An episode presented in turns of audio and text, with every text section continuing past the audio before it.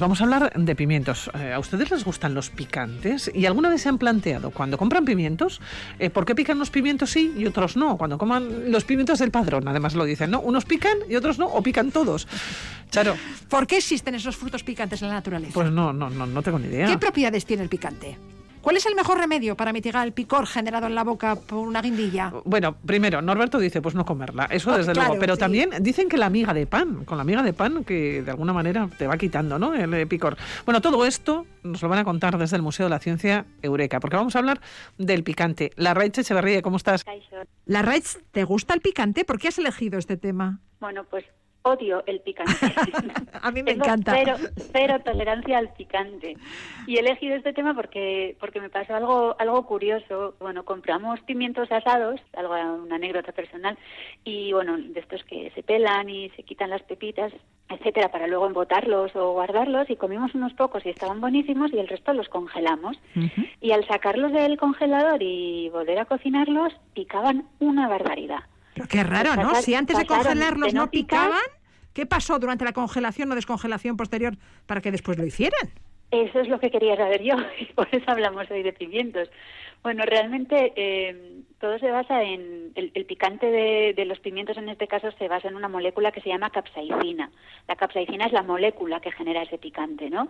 Y buscando muchísima información, la verdad es que la capsaicina se mantiene totalmente constante o inalterable a los cambios de temperatura, ya sean los de cocinar o los que se pueden dar en, en una congelación o descongelación.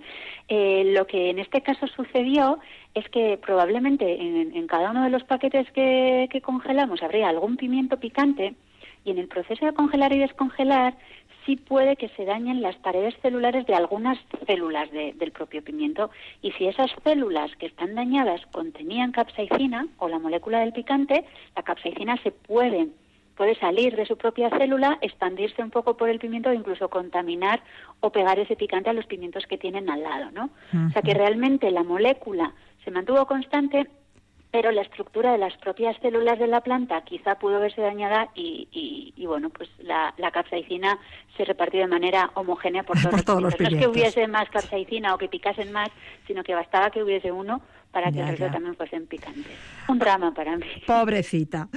Ay, ay, ay. No te gusta el picante. A mí me encanta eh, el picante, como a muchos de nuestros oyentes, pero somos los únicos mamíferos que lo hacemos, ¿verdad?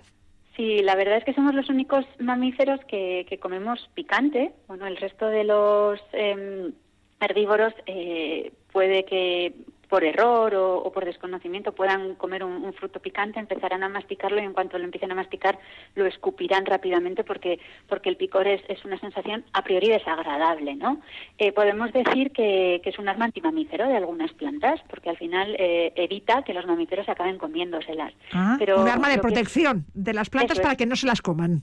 Eso es un arma de protección. Ajá. Pero al mismo tiempo, eh, los, los frutos que, que pueden contener semillas picantes eh, no afectan a las aves. Las aves se los pueden comer sin, sin ningún tipo de, de efecto porque realmente ellos no, no mastican eh, eh, esa semilla que contiene el picante, la tragan tal cual y al tragarla, sin, sin romperla, la capsaicina, la molécula del picante, se queda ahí contenida y no entra en contacto con el resto del cuerpo. Y además lo que consiguen es que, bueno, luego cuando eh, los, las aves expulsan esas semillas, bueno, pues las, las van diversificando o las van repartiendo por otros lugares de la geografía, ¿no? O sea que es un método de, de supervivencia, por, por decirlo de alguna manera. Otra duda, la Raitz. Vamos a la huerta. Cogemos unos pimientos y unos pican y otros no. ¿Por qué? ¿Es cuestión de genes? Porque comparten Bueno. la misma tierra, el mismo aire, son igual de grandes. Es cuestión de genes. Hay pimientos que pican y pimientos que no. En general hay también variedades que pican y variedades que no, pero ahí hay muchos factores eh, que, que pueden influir, que pueden influir realmente eh, el, tiempo que pasan al sol, el grado de maduración. El grado de maduración es muy importante porque los pimientos se empiezan a generar capsaicina desde el momento de, de la polinización hasta el punto en que empiezan a madurar. Entonces, si recolectamos los pimientos justo antes de que hayan madurado o de que empiecen a madurar, perdón, el, el pimiento seguramente picará. A partir de ese punto cada vez van picando menos. O, por ejemplo, eh, algo que se suele ver mucho en, en las guindillas, en las piperras que solemos solemos tomar en verano. Sí. Las de principio de verano no suelen picar apenas, pero las que comemos ya después de los días más calurosos, entonces sí. Y es que en temperaturas superiores a 30 grados se activa más la, la síntesis o la producción de la capsaicina, de la molécula del picante. Entonces, cuantos más días eh, por encima de 30 grados vayamos acumulando en el verano, más probabilidades tendremos de que, De que esas piquen. piparas o esos pimientos Ya, piquen. ya. Los alimentos y platos picantes siempre se han desaconsejado en caso de gastritis o úlceras estomacales o intestinales. Pues contrariamente a lo que se pensaba, el picante podría prevenir las úlceras.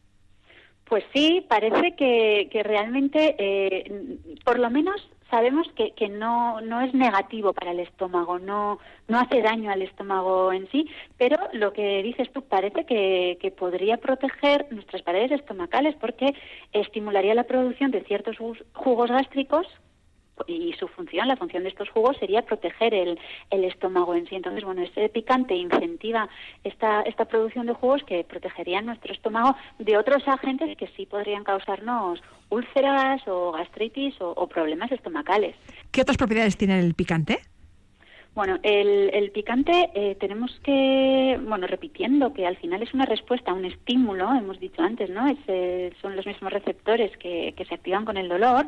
Eh, en respuesta a un estímulo del dolor, nuestro cerebro siempre libera endorfinas, ¿no? Para, bueno, proporcionan al cuerpo una sensación placentera y un poco compensan ese dolor. Eso significa que influye positivamente en nuestro estado de ánimo. Además, aceleran el metabolismo, el ritmo cardíaco, eh, se genera un estado temporal parecido a, la euforia, ¿no? Podríamos decir que estamos como más, más eufóricos. Pero es que también tiene efectos vasodilatadores, entonces reduce la presión ar- arterial o ayuda a impedir formación de coágulos o activa el metabolismo, eh, lo que incrementa el gasto energético y, y, bueno, esto puede ayudar en dietas que están centradas en pérdida de peso o en control de peso. Y luego es muy curioso porque ya no el hecho de ingerir el picante en sí, sino la propia capsaicina tiene aplicaciones farmacológicas muy interesantes administrada en- de manera tópica mediante parches o, o mediante Tomadas. cremas. o- Sí, sí. Eso es. Eh, es un potente, potente antiinflamatorio.